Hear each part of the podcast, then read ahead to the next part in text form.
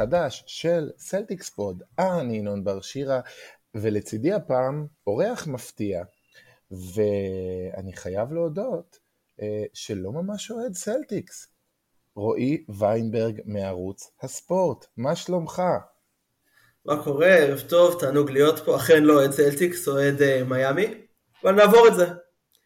כן, כן, אה, אז זהו. אני חייב, חייב להגיד, אני יודע שחלק מכם עלולים אה, להזדעזע מהמחשבה שככה הכנסנו פה לאש, ועם זאת, יש משהו הרבה פעמים בזווית ש, שלנו כאוהדים, שאנחנו נוטים uh, לצבוע את הדברים הרבה פעמים בצבעים uh, שנוחים לקבוצה שלנו. גם רואים את זה אה, בדרך כלל בכל פודקאסט מקומי, בכל אה, זה, שאנחנו באופן טבעי, אה, קל לנו לראות את הדברים מהזווית של הקבוצה, ודווקא מעניין אותי הפעם לראות את הדברים מזווית אחרת, מזווית של מישהו שרואה את הדברים בצורה שונה, ואולי ככה נייצר איזשהו דיון מעניין לשני הצדדים.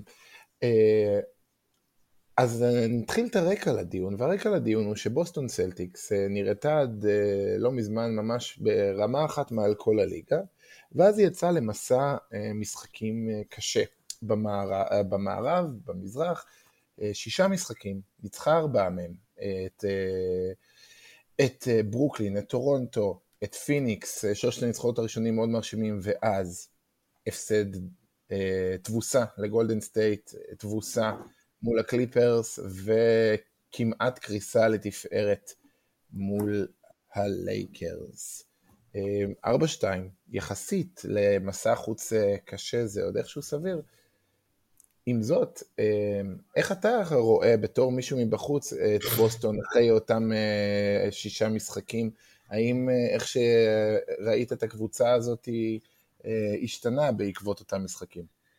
האמת שלא, אני יחסית אופטימי בקשר לסלטיקס, גם כי באמת זה הסטרץ' אולי הכי קשה שיהיה להם העונה, גם כי רוב הסיכויים שהם לא יצטרכו באמת לנצח משחק במערב בשביל לזכות באליפות, אתה יודע, סביר שהם יסיימו אה, מקום ראשון שני במזרח, מאזן יותר טוב מכל המערביות, ובעיקר כי אלור אופורד לא שיחק, כאילו הם היו בלי שני הגבוהים הכי טובים שלהם, לכן גם הקבוצה שיחקה אחרת לגמרי, שחקנים שלא לא יקבלו דקות בפלייאוף, פתאום קיבלו 20-25 דקות. ואחרי נכון. כל זה 2-2 אפשר להיות אופטימיים בעיניי.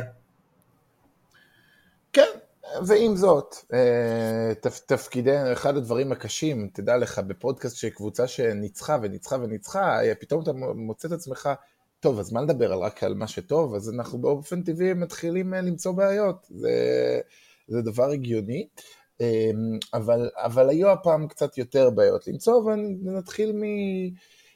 נתחיל מכמה מהם שעלו. אחד מהדברים הוא שההתקפה של בוסטון, שהייתה לפני הסטרץ' הזה בפער, ההתקפה הטובה בליגה, 120 offensive rating, אפילו 122 בשיא, אה, ב stretch הזה הייתה 27 בליגה, 108 offensive rating, וזה גם נראה ככה על הפרקט, הרבה פחות תנועה, הרבה יותר היתקעות. אמ, הרבה יותר מזכיר אה, רגעים אה, בסדרות מול מיאמי בפלייאוף ומול גולדן סטייט בפלייאוף. אתה חושב שזה, יש בזה מה לדאוג, מול, זאת אומרת, האם מול אה, הגנות כאלה, אז כל הנעת הכדור הזאת היא בעייתית בסופו של דבר, וחוזרים למקורות. כן, שמע, זה מראש היה כדורסל שהוא מאוד כדורסל עונה סדירה. אתה יודע, בפלייאוף כל ה... סם האוזרים, למרות שהוא קלה באחוזים סבבה יחסית במסע הזה, אבל הרבה שחקנים כן, שכל... דווקא לא, דווקא הוא 27 אחוז במסע הזה, הוא, נפל אה, קצת, כן, הוא, הדוגמה המייצגת, שחקנים שעונה סדירה הם טובים והם חותכים וקולים שלשות וזה, בפלייאוף זה אחרת, בחוץ. כן. בטח בלי אורפורד זה אחרת. ומראש הסימן שאלה הגדול שלי היה מה יקרה כאילו שבוסון תתחיל להחטיא, כי זה אחוזים שהם היו מאוד לא סוסטיינבל. ועכשיו זה קרה, והשד לא, לא כזה גרוע. כן, אחד הדברים שגרם למסע הזה להיות uh, שונה זה שגם ההגנה שהייתה די רעה עד עכשיו, פתאום יש צורך, אז היא, היא הייתה חמישית בליגה במהלך המסע, זאת אומרת, אה, זה, זה כן איזשהו איזון, למרות החוסר גם של הורפורד, גם של רוברט וויליאמס, אז, אז כן אה, הצליחו לייצר משהו הגנתי. כמה להיות מודאגים מזה שבסופו של דבר, אה, הרבה פעמים, אנחנו מדברים על כדורסל פלייאוף, הרבה פעמים אתה חי ומת על הכוכב הגדול שלך. ו... וטייטום אה, שהיה נפלא לאורך רוב העונה הזו עד עכשיו, אה, מול גולדן סטייט ומול הקליפרס נתן את שני המשחקים הרעים ביותר של השנה, אולי נוסיף גם את המשחק רגע לפני אותו מסע חוץ מול מיאמי, המשחק השני מול מיאמי כשג'ימי באטלר חזר. אמ, יש כן, זה אולי הדבר באמת הכי מדאיג מהמסע הזה. זה שזה הרגיש שהוא חזר קצת לגמר, שהוא באמת היה, לא יודע אם להגיד נזק, אבל לא היה טוב מול גולדן סטייט, ומול הקליפרס אה, הרגיש גם שזה קצת אה, רודף אותו. היתרון פה באמת זה שהמסע חוץ הזה נגמר עם ניצחון די מרשים מהלייקרס, שזה גם, אתה יודע, לייקרס מול בוסטון, גם מול הברון, זה הרבה שדים שהיו תקועים לטייטום בראש, או לבוסטון באופן כללי. זה שהם חזרו מפיגור דווקא במשחק האחרון, זה כאילו סימן טוב, כי אם זה היה הפוך, שהיו משחקים משחק אחרון בגולדן סטייט וחוטפים אחרי שהם חטפו את ה-20 הפרש מהקליפרס, הייתי הרבה יותר מודאג. אני גם לסדר יש משמעות בעיניי. אני אגיד שאם, בוא נגיד ככה, בוסטון הרי הובילו מול הלייקרס ב-20 הפרש. ה win probability, מי שיודע זה האחוזים אה, שבגדול המשחק הסתיים בניצחון, היו באותו רגע, אמצע רבע שלישי, 20 הפרש, היו 98 וחצי לטובת בוסטון. הם הגיעו למצב שאנחנו 13 הפרש ללייקרס, שלוש וחצי דקות לסוף, 98 אחוז וחצי ללייקרס. אה, זה בעצם צריך שפחות או יותר הכל יסתדר, הפוך עכשיו אם אנטוני דייוויס לא מחטיא את אותם שתי זריקות עונשין, ואז או לחילופין ג'ייסון טייטום לא קולע את הזריקה האחרונה, או-אה, כמה אה, תחושות רעות היו, מ... זאת אומרת, היה פתאום שלושה הפסדים רצוף, השמיים קורסים, קריסה מול הלייקר, זאת אומרת, לפעמים, אתה יודע, אתה חי ונופל על... אה, כן, אני חושב שהנרטיב סביב בוסטון, בטח שלי בתור מישהו מהצד, היה כאילו, מתי יהיה המשבר הראשון? ראינו קבוצות שכאילו הגיעו לגמר וקרסו אחרי, קבוצות שגם באמת נאלצו להיפרד מהמאמן וקרסו אחרי, ופה זה, הייתה תחושה שבאמצע המשחק מול הלייקרס, באמת מהטובים של השנה, שהנה מגיע המשבר, שעכשיו הם ירדו למקום, לא יודע, אפילו שלוש, ארבע במזרח. וזה שהם ניצחו, כאילו, עדיף לא להיכנס לבור אף פעם, אבל אם אתה יוצא ממנו ככה, אולי זה איזשהו רגע של כזה חוזק מנטלי, סטייל ההחטאה של קיירי מול שנה שעברה, או מה שמידלטון עשה מול מיאמי לפני שנתיים, פלייאוף אליפות של מילווקי. כאילו ניצחו את המשחק הראשון בקושי, ואז משהו התחבר וקראו אותנו במשחקים 2, 3, 4. כאילו זו עונה סדירה, אבל הייתה תחושה שהסלו של טייטום באמת זה איזשהו רגע כזה של אה, טוב, אני יכול אה, לצאת מפיגור, שאולי קפיצה מנטלית כזאת. כן, זה ללא ספק אחד הדברים ש, שנראה לי אפשר היה להגיד זה שבעונה שעברה הם לא היו, הם, זה בדיוק מסוג המשחקים שהם היו מפסידים. אה, שנה שעברה הסלטיקס היו מהקבוצות הרעות בליגה בקלאץ', השנה הם אומנם הפסידו שלושה משחקים בהארכה, שאר המשחקים שלהם בקלאץ', שזה כבר עשרה משחקים נוספים, הם ניצחו, זאת אומרת הם 10-3 בקלאץ', שזה... מדהים. כן. מאוד לא sustainable גם, זה לא סביר שזה יישאר באחוזים נכון. שלמה.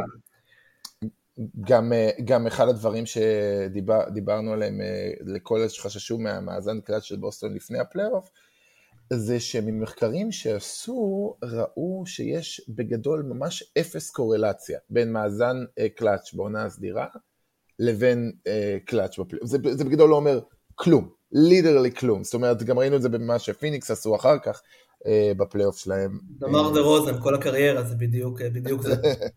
כן, זה ממש, כי אין, אין שום קורלציה סטטיסטית בין הצלחת, היית טוב בקלאץ' בעונה רגילה לבין היית טוב בפלייאוף, זה לא אומר כלום. אמ, אז נכון, אתה צודק, זה גם לפעמים אומר אם אתה טוב בקלאץ', הרבה פעמים אומר אוקיי, ובהמשך זה יתיישר והמאזן שלך יהיה טיפה יותר אה, ריאלי. אתה חושב שיש דבר כזה, אה, דיברת שאתה חיכית למשבר הראשון של בוסטון, שמתישהו זה יקרה, שיש דבר כזה קבוצה שהיא מה שנקרא picking too early, זאת אומרת קבוצה צריכה מתישהו לחוות אה, משבר ראשון וכן. כן, אנחנו... אנחנו רואים את זה, כאילו זה דוגמה קלאסית מן הסתם, זה גולדן סטייט 2016, הקבוצה היחידה בהיסטוריה שהפסידה בעונה הסדירה ובפלייאוף אותה כמות משחקים ובסוף המשבר שלה הגיע ביתרון 3-1 בגמר. זה יכול לקרות זה גם סביר שזה יקרה לבוסטון, זו עונה ארוכה, גם בטח אתה יודע ששחקן אולי השלישי הכי משמעותי של הסלטיקס לא שיחק דקה, אז יכול להיות שפתאום כן. הוא יחזור והנעת כדור קצת ייתקע וזה, אז יהיה שם איזשהו משבר.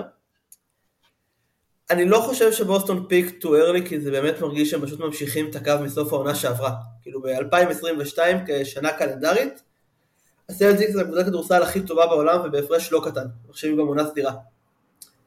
פשוט זאת הרמה שלהם, חוץ אולי באמת מהשלשות שטיפה ירדו, אבל כמו שאמרת גם מקודם, אני מאמין שהשלשות ירדו וההגנה תעלה. כאילו הם לא בטוח יסיימו את העונה מקום ראשון ב offensive rating, אבל הם יהיו בחמישייה הראשונה ב defensive rating, בסוף העונה.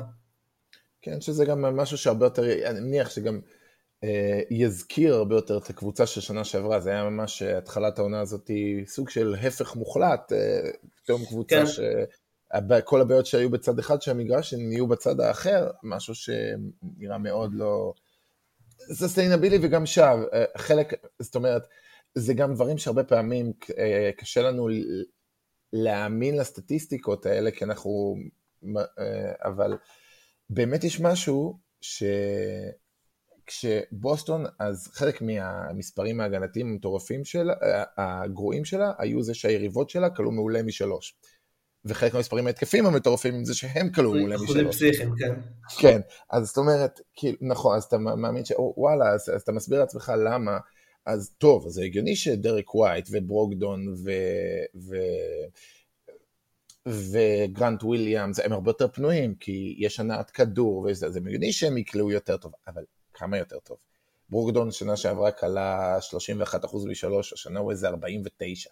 כאילו, זה... מאוד ספציפית זה שונה, כי שנה שעברה, אתה יודע, הוא היה האופציה הראשונה בהתקפה, עכשיו האופציה הרביעית. נכון, ועדיין, אוקיי, אבל גם יש פער בין 49 ל-39, זאת אומרת, נכון. גם אם uh, הוא יורד לממש ממש טוב, יש הבדל בין ממש ממש טוב ל-49% משלוש, שזה clearly משהו, אין, אין דרך שלא, שלא, שלא, שזה לא ירד, ושלא נדבר על שחקנים כמו דרק ווייט, שכן התחילו את העונה ב-40% לשלוש, ושנה שעברה היו קבוצות, פשוט עזבו אותו, שבוא תזרוק, כי הוא... מה שיקרה השנה בסוף, הוא לא, לא יחזיק.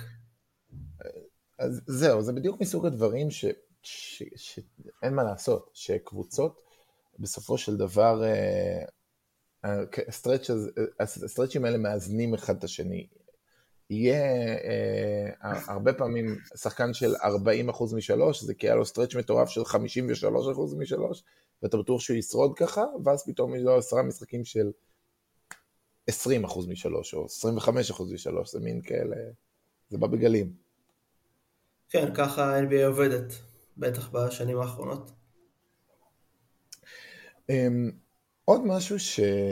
שאפשר uh, לתהות לגביו, אה, לגבי אותה ריצה, אז דיברת הרבה, נכון, אין, אין הרבה מה לקחת אה, זה שאורפורד לא שיחק אה, בחמישה משחקים האחרונים, שלושה מהם בגלל קורונה, שניים מהם בגלל שנולד לו ילד, מזל טוב, ורוברט וויליאמס לא שיחק, הוא לא שיחק מתחילת השנה, ובוסטון הסתמכה על בלייק גריפין ולוק קורנט.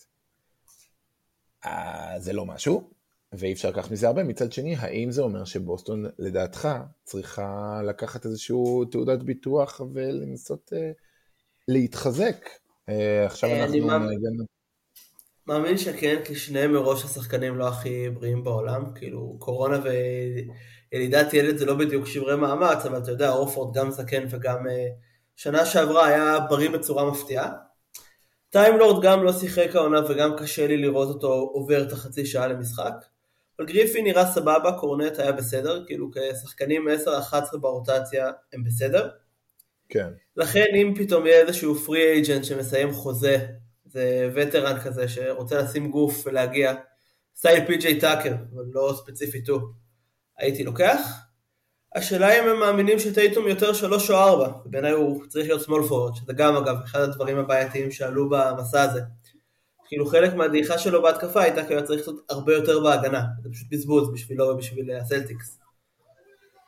זה מעניין מה שאתה אומר, כי טייטום, אה, אחד הדברים, השינויים המאוד גדולים אה, במשחק שלו עם השנים היה זה שהוא הגיע לליגה מאוד בתור שחקן אה, פינס כזה, זאת אומרת, עבודת רגליים, ושחקן כזה יש איזשהו לימיט מסוים. ואחד הדברים שמאוד השתנו זה שהוא מאוד מאוד התחזק. הוא נהיה הרבה יותר שחקן... מה? שומר כן. מעולה, מהטובים בליגה כרגע, בעיניי. שומ... בעיניי גם, אה, שומ... הוא שומר מעולה ואני מאוד מאמין בו הגנתית, וגם את... אבל גם התקפית, זאת אומרת, הרבה יותר ממה שהוא עושה זה להיות בולדוזר, זאת אומרת, פחות, אה, הרבה, הרבה יותר אה, משתמש בכוח שלו, בכתפיים הרחבות שלו, מאוד השתנה. אחד הדברים ש... שמאוד מאפיינים, הרבה ווינגים, הם מתפתחים מאוחר, זאת אומרת, אה, זה, אנחנו מגלים מי הם אה, כשהגוף שלהם אה, משתנה קצת. זה... השאלה היא מה שנקרא תמיד, אם שחקן כזה צריך להיות מול מספרי שלוש שמולם, אז הוא, הוא יותר גדול וחזק, או מול מספרי ארבע, שם הוא יותר מנצל את המהירות שלו יותר, או יותר את... זה, זה בהחלט שאלה. הוא, מספיק טוב בשביל כאילו להיות כמו כל, כל שחקן, באמת אולי ה-MVP כרגע של NBA הוא שחקן מדהים. אני חושב שדווקא באמת נצל את הפיזיות הזאת בתור אה, על איזה שלוש או שתיים יותר קטן ממנו, זה כאילו מיסמאץ' שבסל קל כל position בערך. אבל מאוד תלוי הרכבים, כאילו כל עוד אה, וויליאמס והורפורד לא בריאים הוא יהיה ארבע, אבל בלייק גריפין זה לא החמש שיכול לחפות עליו, אף פעם לא היה, הוא גם לא, לא יהיה בשלב הזה בקריירה. אתה יודע, איזה לא. מגדלור כזה בצבע, סטייל ברוק לופז, שחוסם ונותן לו לעשות את העבודה יותר, אה, יותר, אה, שדורשת יותר מיומנות בהגנה. כן, וגם לא יכול לעשות את ה... אחד הדברים ששמעתי הרבה מאוד אוהדי סלטיקס מתלוננים, תלונו על ג'ו מזולה, איך אתה הולך מול גולדן סטייט אה, על drop. זה הרי ברור שסטף קרי יקלע הכל, ומה אתה עושה drop. אתה לא יכול אה, לעשות הגנת חילופים כשיש לך בלייק גריפין ולוק קורנט בתור שני סנטרים, זה נחמד עם אל הורפורד, אבל אה, כשאתה לצפות שבלייק גריפין יתמודד מול סטף קרי, זהו. אה, זאת אומרת, זה לא שהוא יכול להיות גוף גדול בצבע, הוא גם לא יכול להיות אה, זה שמחליף על השחקנים. ו... בהחלט, זה התעללות. ומצד שני, אחד הדברים שנגיד בבוסטון קיוו בתיאוריה, אה, זה שגרנט וויליאמס יהיה איזה מין small ball 5 שיכול להחליף, ובתיאוריה, בעבר, הרכבים איתו כ-small ball 5 היו הרכבים הגנתיים טובים, השנה הם גרועים מאוד. אה, אז אחד התהיות זה, למה זה? זאת אומרת, גרנט וויליאמס הוא כן, הוא חזק מאוד, הוא, הוא, הוא שומר טוב, אבל אני חושב שזה שונה כשהסיטואציה היא שאוקיי, אז זה מאלץ את סמארט ווייט לשחק ביחד נגיד, אז ווייט הוא אה, נגיד ממוצע בגובה לאחד, לעמדה אחת, סמארט אה, אולי טיפה נמוך אפילו לעמדה שתיים, בראון... יכול אבל לשמור כל ארבע, עמדות בערך, סמארט. כן, אבל, אבל אתה מגיע למצב, אתה מגיע למצב שאתה כאילו במקום להיות גבוה בכל עמדה, אתה נמוך בכל עמדה. בראון נמוך מדי לשלוש, וטייטום הוא יחסית נמוך לארבע, וגרנט וויליאמס ממש נמוך לחמש, ואז אתה כאילו, סבבה, אז יש לך שחקנים שהם שומרים טובים, אבל הם כולם, הם כולם אה, יחסית undersized לעמדה, בשונה מאותו הרכב עם הורפורד ו, ורוברט וויליאמס, שהם פתאום יוצא לך מצב שסמארט הוא ענק לעמדה אחד, ו, ובראון ענק לעמדה שתיים, וטייטום לעמדה שלוש, ופתאום נהיה לך הרכב שכולם ג'מוסים ענקיים, וזה היה הרכב הגנתי היסטורי. אמ, זה חלק מההבדל. אמ, אז זהו, אז, אז אה, יש לך מצב, אז האם יש, יש בכלל שחקנים כאלה שיכולים להיות, אה, שאתה יכול למצוא אה, ב trade שיכולים להיות רלוונטיים כרגע, שחקנים שהם חמש שרלוונטיים לקבוצת פלייאוף, אולי ארבע שרלוונטיים לקבוצת פלייאוף עכשיו ב trade דדליין? גם בודדים וגם כאילו השאלה מה אתה נותן ב trade בתור בוסטון כי אני לא הייתי מעביר מישהו מהסגל הקיים בטח השנה שיש איזשהו עומק.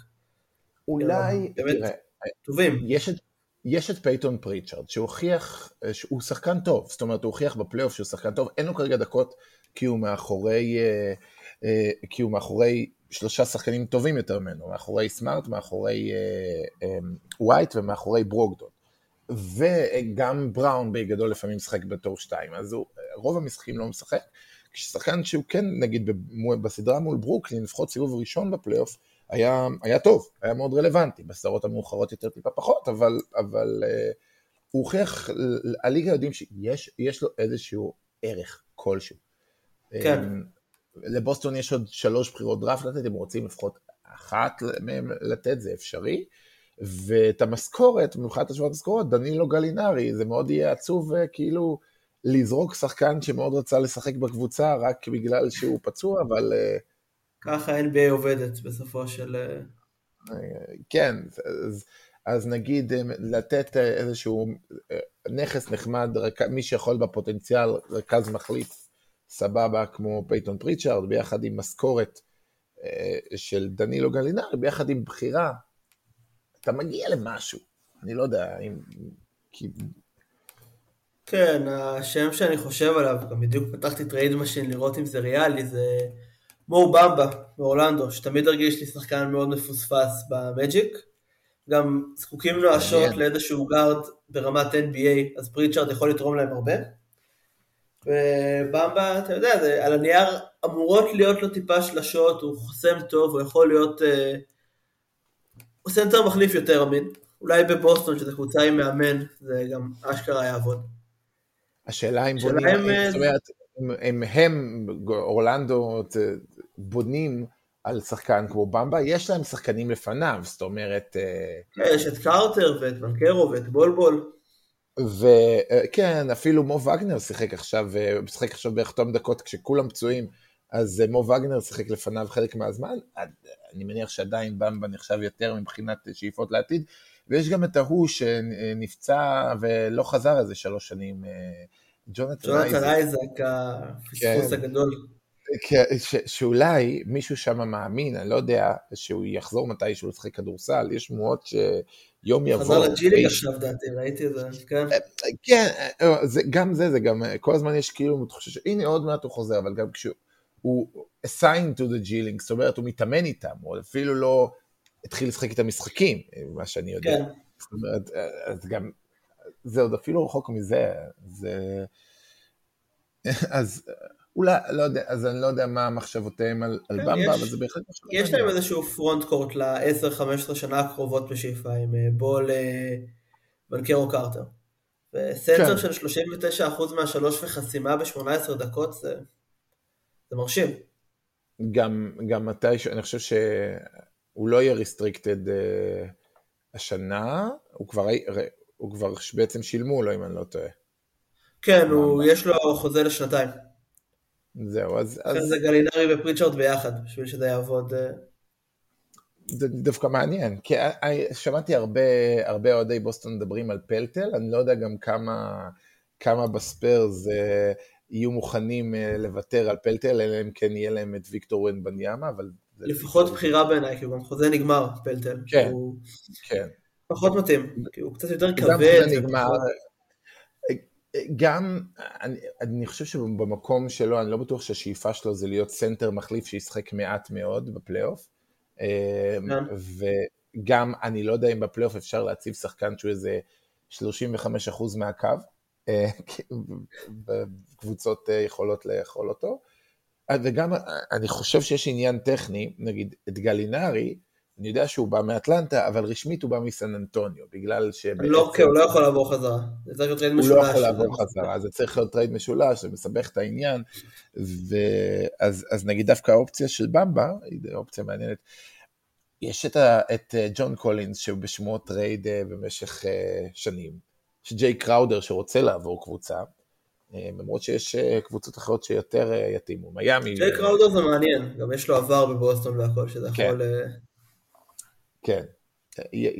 אני חושב שיש משהו בזה דווקא מישהו שיכול להיות איזה מין סוג של small ball 5, אבל small ball 5 אמיתי, ולא, ולא מין סוג של בכאילו small ball 5. קראודר במובן הזה זה יכול להיות מעניין, כי גם לפעמים, כשהוא ברגעים החמים שלו, הוא קלעי שלשות מאוד טוב. קראודר הוא הדוגמה המושלמת לשחקן שיכול להיות 38% משלוש, חצי מהזמן הוא 70 אחוז משלוש וחצי מהזמן הוא 15 אחוז משלוש. אז... כן, גם החמישייה ההגנתית באמת של סמארט, בראון, טייטום, קראודר ורוברט וויליאמס, זה... אי אפשר לקלוע מולם. זה... כן, זה, זה קראודר גם, זה, זה בדיוק המנטליות הנכונה של, אני חושב שאחד הדברים ש, שגם השתנו אה, בבוסטון, מאיזושהי מנטליות, אני חושב שיש משהו דווקא, כשפוגשים קבוצות כמו מיאמי, למשך אה, תקופה מאוד ארוכה, וכמו מילווק, אתה חייב לפתח איזושהי קשיחות פנימית, אה, שגם אם לא הייתה לך, אם אתה לא תעבור אחרת. זאת אומרת, אתה לא תגיע, אתה חייב לעבור את אותה משוכה. ושחקנים כמו, אה, שחקנים כמו קראודר זה בדיוק סוג השחקנים שהם קלאסיים למצבים האלה. כן, גם סמארט מרגיש כזה, כאילו דריימונד נכון. גרין של הווסטון. בדיוק, בדיוק. סמארט הוא מאוד כזה. כמובן שיש הרבה מאוד חסרונות, אנחנו ראינו אה, את הצדדים של סמארט בכל הכיוונים. אה, זאת אומרת, גם ה over ביטחון המטורף הזה, זה גם מה שהרבה פעמים גורם לו לחשוב שזה הרגע לקחת שלושה מכריעה. אה, מדריבל אה, לפגוע בקרש. כן, כן. והוא, בוא נגיד ככה, הרבה מהקאמבק היה סמארט, זורק איזה ארבע שלשות ברבע האחרון לא נחוצות, ומצד שני, היה לו את האומץ, כשהשאירו אותו פנוי לחלוטין ב-40 שניות לסוף, להמשיך ושוב איכשהו לזרוק שלשה, אבל הפעם הוא היה פנוי לגמרי והוא קלע אותה. אה, זאת אומרת, אז זה לחיות ולמות עם אה, הביטחון המטורף הזה, אה, וזה... שזה את היתרון. זה מעניין, זה הקטע הוא שגם פיניקס, לדעתי, לא תחזק ב trade מישהי שהיא על הנייר יריבה ישירה לאליפות, וגם שהם יכולים לקבל יותר, כאילו, פריצ'רד הם לא צריכים עוד מוביל כדור, שיש להם את פיין ואת כריס פול. כן, זו סיטואציה מאוד משונה העניין עם קראודר ופיניקס, כי הם, הם צריכים לקבל, בדרך כלל אתה... אתה, שחקן, אתה מעביר שחקן כמו קראודר כדי לקבל אה, שחקן שהוא צעיר, מבטיח, פיניקס, מה שהם צריכים לקבל ב trade על קראודר זה שחקן כמו קראודר. כן. וזה, וזה הרבה יותר קשה. זאת אומרת, הם צריכים לקבל השקעה של שחקן שהוא כאן ועכשיו אמור לעזור להם. ואיך שאני מכיר אותם, גם צריכים על הדרך שהוא יהיה לו משכורת טיפה נמוכה יותר כדי שהם יחסכו במס. אמ, בטח ובטח בסיטואציה הנוכחית שהבעלים שלהם רוצה למכור, או לא רוצה למכור אבל מכריחים אותו למכור. זאת אומרת, זו מין סיטואציה משונה מאוד, שאני לא יודע איך היא תיפתר. אולי אם זה trade משולש עם קולינס, אולי יש כל מיני רעיונות אה, משונים שם. אמ, אבל זה בהחלט יהיה מעניין. בעיניך, אתה חושב שהמזרח כרגע זה, זה באמת, אה, הרבה דיבורים, זה, זה כרגע conference של שתי קבוצות מבחינת קונטנדריות אמיתי, או שאתה רואה את כל הקבוצות האחרות מעבר למילווקי ובוסטון? שתיים וחצי לדעתי.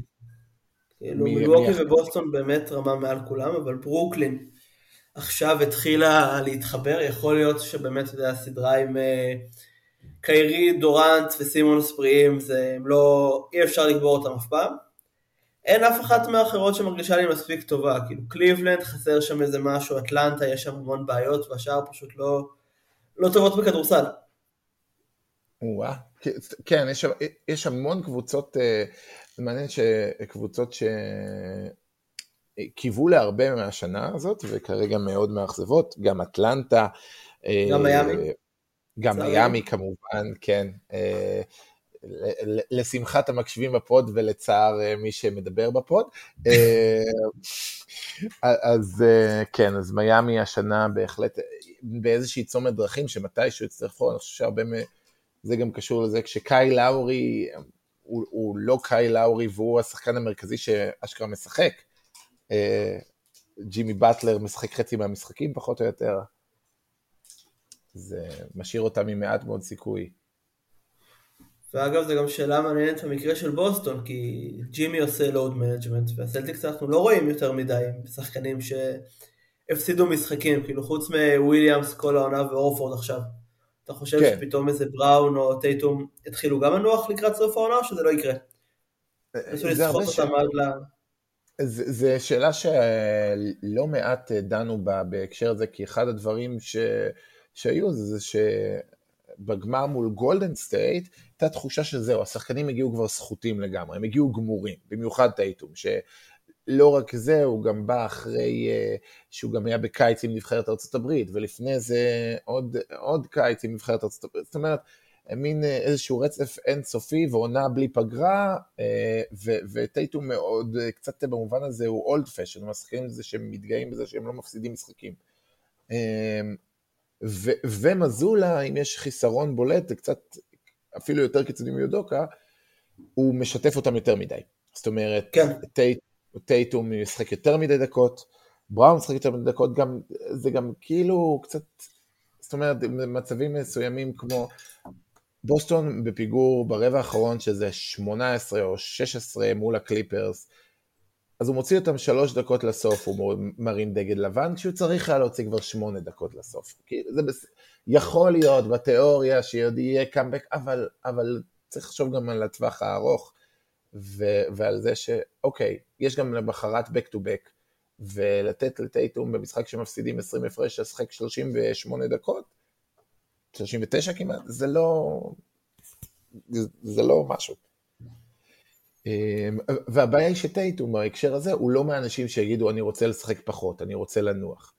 עכשיו הם, בשונה מהשחקנים של מיאמי הם צעירים, אבל גם אם בוסטון רוצים לבנות עליהם בטווח ארוך, שלא יהיה... אחרי ריצת פלייאוף מאוד ארוכה, ואולי הריצה כן. הכי קשה בהיסטוריה האחרונה לפחות, שבאמת ברוקלין, אה, מילווקי מיאמי, שבעה משחקים כן. מול קבוצות מאוד פיזיות. ואז, ואז מול גולדן סטייט, שגם הם היו מאוד פיזיים איתם, אמ, וזה זה, זה לא הייתה ריצה קלה בכלל. אז, אז זה באמת שאלה, זו שאלה כמה, כמה זה עניין של להוריד דקות בעונה הרגילה. זאת אומרת, אוקיי, טייטום הוא 36 דקות, אבל ברוקדון הוא 23 דקות במשחק. עכשיו, אני מבין שגם בזה יש משהו טקטי. זאת אומרת, אה, אני חושב שפה יש איזשהו עניין מכוון, שברוקדון הוא שחקן מאוד שביר, וזאת הדרך שלהם לשמור עליו פחות שביר, אני חושב. כן, זה שווה את זה, שחקן נהדר. כן, בוא ניתן לו לשחק 23 דקות 70 משחקים, ולא 30 אה, דקות 45 אה, וחמישה משחקים. אני חושב שיש בזה אלמנט כזה, ועדיין שווה לבדוק, אז אולי כן פייטון פריצ'רד בחלק מהמשחקים, אז אולי כן אה, יותר דקות לווייט, או, או לא, כן, להוריד... נגענו קודם בקבוצות שאתה פיק מוקדם מדי, ומה שמאפיין אותם בדרך כלל זה כמות דקות מוגזמת לכוכבים. כל שנה הקבוצות של בילי דונובן מגיעות לשיא באזור פברואר, ואז פתאום אה, לונזו נפצע, או לפניו פה ג'ורג' באוקלהומה נפצע, ואז הם אה, הגיעו שבור, שבורים לפלייאוף. יכול להיות שפה, כשטייטום 37 דקות למשחק ובראון 35.7, זה, זה יותר מדי. כל אחד מהם יכול לשחק 3-4 דקות פחות, והם אה, ינצחו פחות, אבל הם יהיו בסדר. עדיין top 2 במזרח. גם, אוקיי, טפו טפו, טפו טפו, טפו טפו, טייטום כרגע אין לו היסטוריה בריאותית אה, אה, מאוד מאוד רצינית, הוא שחקן שיחסית לאורך הקריירה שלו מאוד מאוד עמיד, בואו נקווה שזה יהיה ככה, זה מסוג הדברים שמאוד יכולים להשתנות, גם גורדון היוורד לפני שהוא הגיע לבוסטון היה מאוד מאוד עמיד ולא נפצע אף פעם, אה, ומאז אתם יודעים מה קרה, אז, אבל טפו טפו טייטום עד עכשיו לא זה, לעומת זאת, מה שאני רוצה להגיד, לבראון יש דווקא, זאת אומרת, אה, היסטוריה של אמסטרינגים, שזה הרבה פעמים פציעות של שחיקה, אה, ב hamstring שחזר פעם אחרי פעם, אה, בברכיים קצת, זאת אומרת, צריך לראות איך שמה נזהרים, ממננים, גם בסופו של דבר שחקנים שמשחקים בשני צידי המגרש, יש להם הרבה יותר סיכויים, מה שנקרא, הם, הם הולכים ל... אל הגוף של השחקנים בשני הצדדים, הם לא בורחים מהמגע, ואז אה, זה, זה מסוג הדברים שעוד יותר אה, מתיש, מתישים, וצריך, אני מסכים איתך שזה ביקורת מאוד רלוונטית, ש, שבהמשך הם יידרשו אליה, אולי עכשיו כשרוברט וויליאמס חוזר, חלק מהשלושים דקות האלה יהיו, אה, נוריד אולי גם שתיים. יחזיק את ההגנה ברמה סבירה גם בלעדיהם. אז שיורידו שתי, שתי דקות מטייטום, שתי דקות מבראון, זה, זה, זה בטוח יכול לתת משהו, וגם אני בסדר עם בערב אחד או שניים של back to back, זאת אומרת, הם יפסידו מתישהו, זה לא דבר נורא, אנחנו רואים שכל הקבוצות עושות את זה, זה לא מילה גסה, וגם אם הם יפסידו עוד משחק או שניים בגלל זה, בעיניי זה בסדר. אני יודע שזה מאוד לא, יש הרבה מאוד אה, אה, שמה זה, כל ה load management הזה, כל הפעם שחקנים היו משחקים 48 דקות. ככה NBA עובדת היום. כאילו, ותוך כדי, כן, תבואו עם אנרגיה. כן, גם הרפואה התקדמה והבינו ששחקנים כדי להאריך את הקריירה שלהם להיות יותר מ... אנחנו בוס, אוהדי בוסטון, כולנו פה אוהבים מאוד את לארי ברד, אבל הקריירה שלו הייתה מאוד מאוד קצרה. זאת אומרת, אה, אה, בגדול כשהעשור התחלף ל nineties הוא לא היה אותו שחקן, ו- וזה קשור לזה שלא ידעו אז איך לשמור על שחקנים. כן, הוא ומה... פרץ דיסק כשהוא סלל הכביש לאימא שלו בבית, לא איזה משהו הזוי. הוא עזר, עזר אה, בגראז', כן, עזר כן, בגראז'. כן, אחת ה... הפציעה הכי רדנקית בהיסטוריית הספורט האמריקאי. כן, לגמרי. זה בדיוק, זה בדיוק אבל מסוג הדברים שהיום היו יודעים לא לעשות את זה. אמ, כן. והיום יודעים גם שיש איזשהו היגיון בלא לשחק 40 אה, דקות. בטח אגב שהשחקנים היום, אה, להבדיל ממה שחושבים, רצים הרבה יותר מפעם. אה, ומשקיעים הרבה יותר אנרגיה. כן, הם עושים הרבה יותר פעולות, נגעתי בזה גם בפרק בספר שלך, בכדורסל מהעתיד. נכון, אה, מי שעוד כן. לא קרא, אז, אז זה הזמן, אפשר עוד לרכוש דרך אותו קישור להדסטארט, אפשר לרכוש. אני יודע שמי שכן קרא, אז כבר הייתם אמורים לקבל 99% מכם כבר קיבלו, אם לא, אז דברו איתי. בכל מקרה, אז זהו, אז תקראו את הפרק של רועי שמע, הוא באמת מדבר על זה. אני רוצה שנייה, באמת, אז, אז דיברנו על, על עניין הפציעות, דיברנו על, על המורכבויות שהיו באותו מסע חוץ, אני רוצה שנייה דווקא לגעת אה, בהקשר הזה בעניין ההרגלים, כי אחד הדברים אה, שמאוד השת, השתנו אה, בבוסטון עם השנים זה יכולות של טייטו ובראון, לפתוח את הראש, זאת אומרת, שחקנים שמאוד חובטו מגיל מאוד מוקדם כסקוררים, לא כשחקנים שרואים את המסירה לפני הזריקה, אה, עשו שיפור מאוד מאוד משמעותי כפליימייקרים. אממה, הרבה פעמים כשאנחנו עייפים, כשאין לנו כוח, כשאנחנו זה, פחות חושבים, אנחנו חוזרים להרגלים הרעים שלנו. או חוזרים למה שאנחנו מכירים. ו- ודברים ש... זאת אומרת, באים טבעי לכל מיני שחקנים שהאינסטינקט הראשון שלהם הם, היה להיות פליימייקרים, זה שונה משחקנים שחוותו כסקוררים, שרואים קודם כל את הסל. כמה, אה, זאת אומרת, כמה זה משהו שבסופו של דבר צריך שוב ושוב ושוב להטמיע, ו- ו- והאם יכול להיות אה, שבסוף שוב, ב money time אנחנו נחזור לאותם רגעים, זה תמיד אה, שאלה של כמה בן אדם יכול להשתנות בהקשר הזה.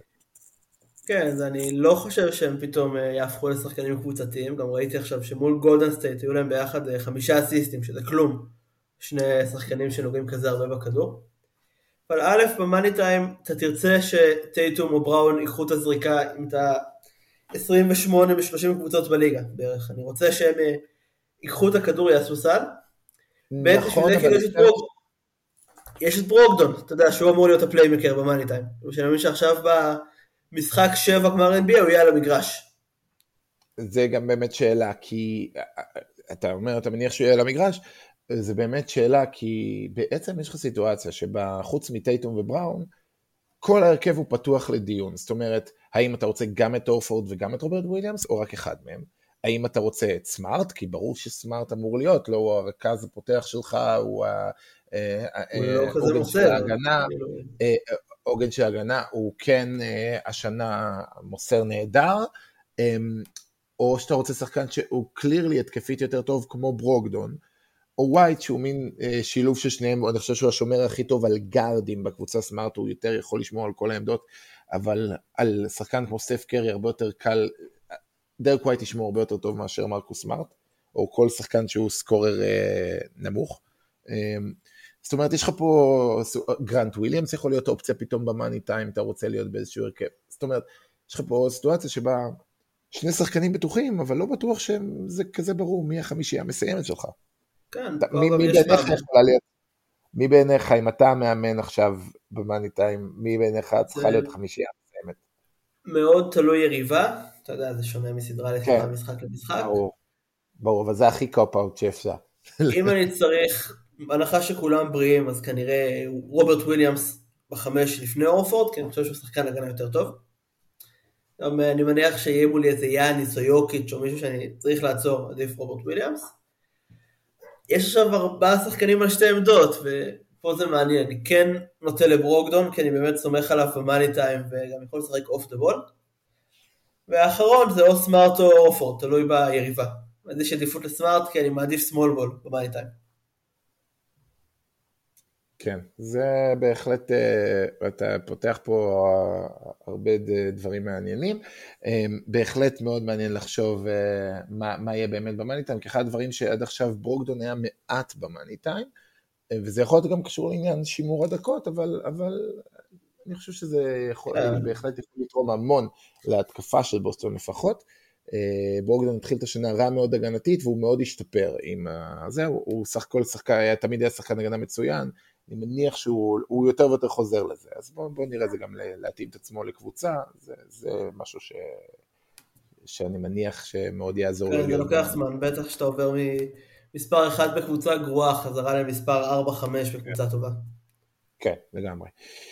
טוב, אז אה, בוסטון עכשיו מגיע לסטרץ' של שבעה משחקי בית, שאני מקווה שקצת יעזרו להם, אה, מול יריבות אה, יחסית נוחות, עכשיו יש פעמיים אורלנדו, אז אינדיאנה, אחרי זה בהמשך, בחג המולד יהיה משחק מאוד מאוד מעניין כמובן מול מילווקי, אמ, אבל אה, יהיה, יהיה מעניין, אבל אני בהחלט רוצה להגיד אה, תודה רבה לך רועי, שהיית איתנו בזה, אמ, ומי שלא מכיר את רועי אז כמובן תעקבו אחריו באתר ערוץ הספורט, אה, בקבוצת הפייסבוק NBA All Around, בפודקאסט The Sweep, שעכשיו אתה פנט, כבר די קבוע שם, לא?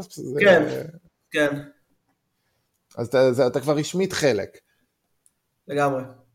מהמם, אז אה, גם כמובן בפודקאסט The Sweep המצוין, אתם מוזמנים לעקוב אחריו. אה, וזהו, תודה רבה לך. תודה לך. ואנחנו נתראה בשבוע הבא בפרק נוסף של סלדיק.